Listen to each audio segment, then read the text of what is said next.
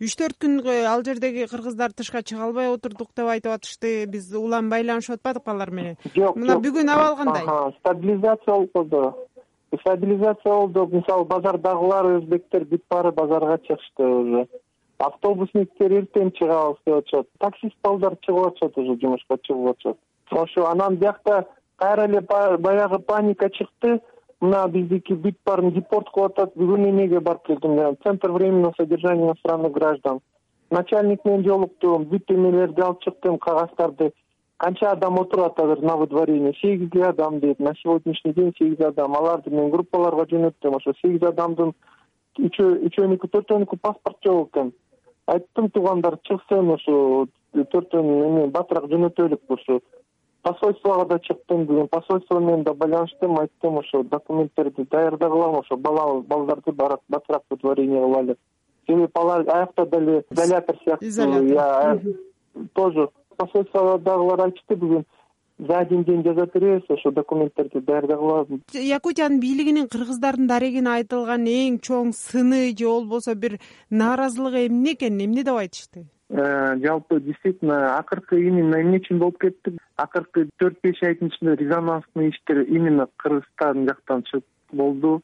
Беш ай мурун эле изнасилование болуп кеткен. Андан кийин э, бирөө биздин кыз э, бир якут кызды бычактап кетти.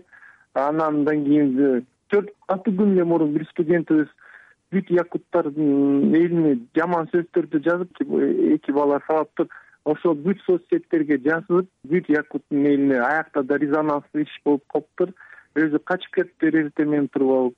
Анан бизди да мвдга чакырышып моундай межнациональный рознь болуп кетти деп ушундай эмеге вот төрт беш айдын ичинде өтө көп резонанстный иш именно кыргыздар менен болуп кетти да. Тартипсиздиктин баары жаштардан болобу жаңы келгендерден кыздар балдар ушулар жасайт деп якутскийде жашагандардын бир тобу менен сүйлөшсөк. Көбүнчөсү айылдан келип атышпайбы он биринчи классты бүтүп эле эми акчаны мындай жыйырма беш миң жыйырма миңди көрө элек да. Анан акчаны мындай көрүп э, алгандан кийин биринчи экинчи айлык анан көчөгө чыгышат ну бар эмес но бар да арабызда ушундай бар да балдар ошолорду консультация өткөзүш керек да что бияка келгенден кийин иштеш керек же спортко качыш деп ошо эмелерде бош убагында же наоборот жардам бер элдерге мисалы биз биякта кыргыздар болуп благотворительство занимать этебиз. Анан бизде таксисттер мисалы мен деле соц сеттерде фейсбукта көрсөңүз мен өзүм Э, бекер ташып аткан пенсионерлерди жакын арада эле биз мына могу изнасилованияга чейин ошо бир күн мурун эле биз техникум для инвалидов. Биз ошол жака кийим алып келип эмелерди эртеси күнү изнасилование болуп кетип атпайбы. Биз жакшы нерсе жасаган нерселерди жууп кетти бир моундай эме менен бүтүрүп таштайбыз да.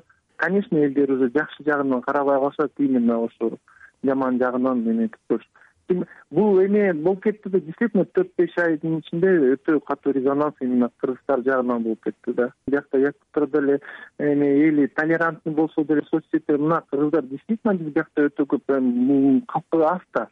А мына бизди басып атышат анан интернациональный брактар да бизде көп болуп кетип атат биякта булар деле коркуп атышат как настраивать якут кыздарга үйлөнгөн же тескерисинче кыргыздар якут жигиттерге чыккан ушундай мындай бир үй бүлөлөр барбы көппү ошолор? Көп өтө көп. Жанагы бизде якутский диаспора кыргызстанда бар. Может быть э, табасыңар именно биякта көбүнчөсү брак э, браки это когда якут кыздар биздин балдарга чыгып атышат да. Өтө көп андай брактар биякта жазбек дагы бир маалыматтар чыкты ошол э, кыргыздар мисалы якуткаларга көп үйлөнүп атышат анан экинчиден кыргыздар или борбор азиялыктар ислам динине тартып атышат ошол жерде исламды жайылтып атышат. Бул дагы э, якуттардын айрым бир бөлүктөрүнө жакпайт деген. Бул канчалык чын?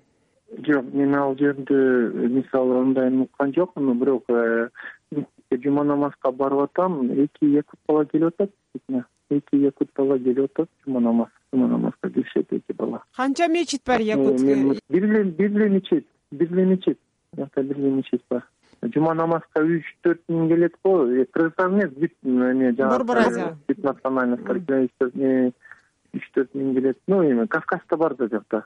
Демек э, демек бул жердеги могу акыркы алты айдын ичинде ошо кыргызстандыктар өздөрү жүрүм турумунан тартип бузганынан кылмыш иштерди жасаганынан анан мындай бир акыры аягы ушундай жаңжалга чейин жетип ушундай болуп топтошкон провокация болуп кетти да биз жактан биз жактан өзүбүз эле провокация.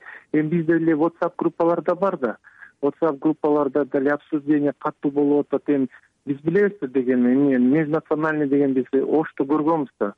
Анан ошентип башталат биринчи жанагы беш ай мурун эле изнасилование болгондо кайра эле ошондо площадька элдер чогулмак экстренный совещание болгондо биз жанагы национальный э, организация бар булардыкычы жанагы спортивный как биздин кыз чородой бар да биякта деле бар. Алар сразу мага чыгышты анан мен айттым эми мен эл үчүн кечирим сурайм силер мен айттым силер анда мен кечирим сураса силер жанымда туруп эме деп айтасыңар элдерди чогулбагыла дестабилизация кылбагыла ошо үчөөбүз выступать этип ошентип токтотуп турганбыз да элдин баарын.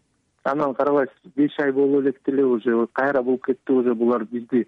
Кечирим суратпай эле председатель булар кайра эле эме кечирим сурап эле ошенте беришет элдер болуп кетти да. Жанакы митингди токтотуп туруп ошо кетирген жакшы болупту а то если токтотпой болсо погромдор болмок элдерге да чыкмак. Эми кыргыздарды баарын билишет да баарыбыз квартирада турабыз да амакта кыргыз жашайт бул бир үйдө эле төрт беш кыргыз биз өтө көппүз биякта мисалы өздөрү айтып атышат где то отуз миңдей экенбиз якутияда неофициальный данным а так жарым жылдын ичинде эле официальный фмс боюнча пересекли уже сегиз миңбиз да биякта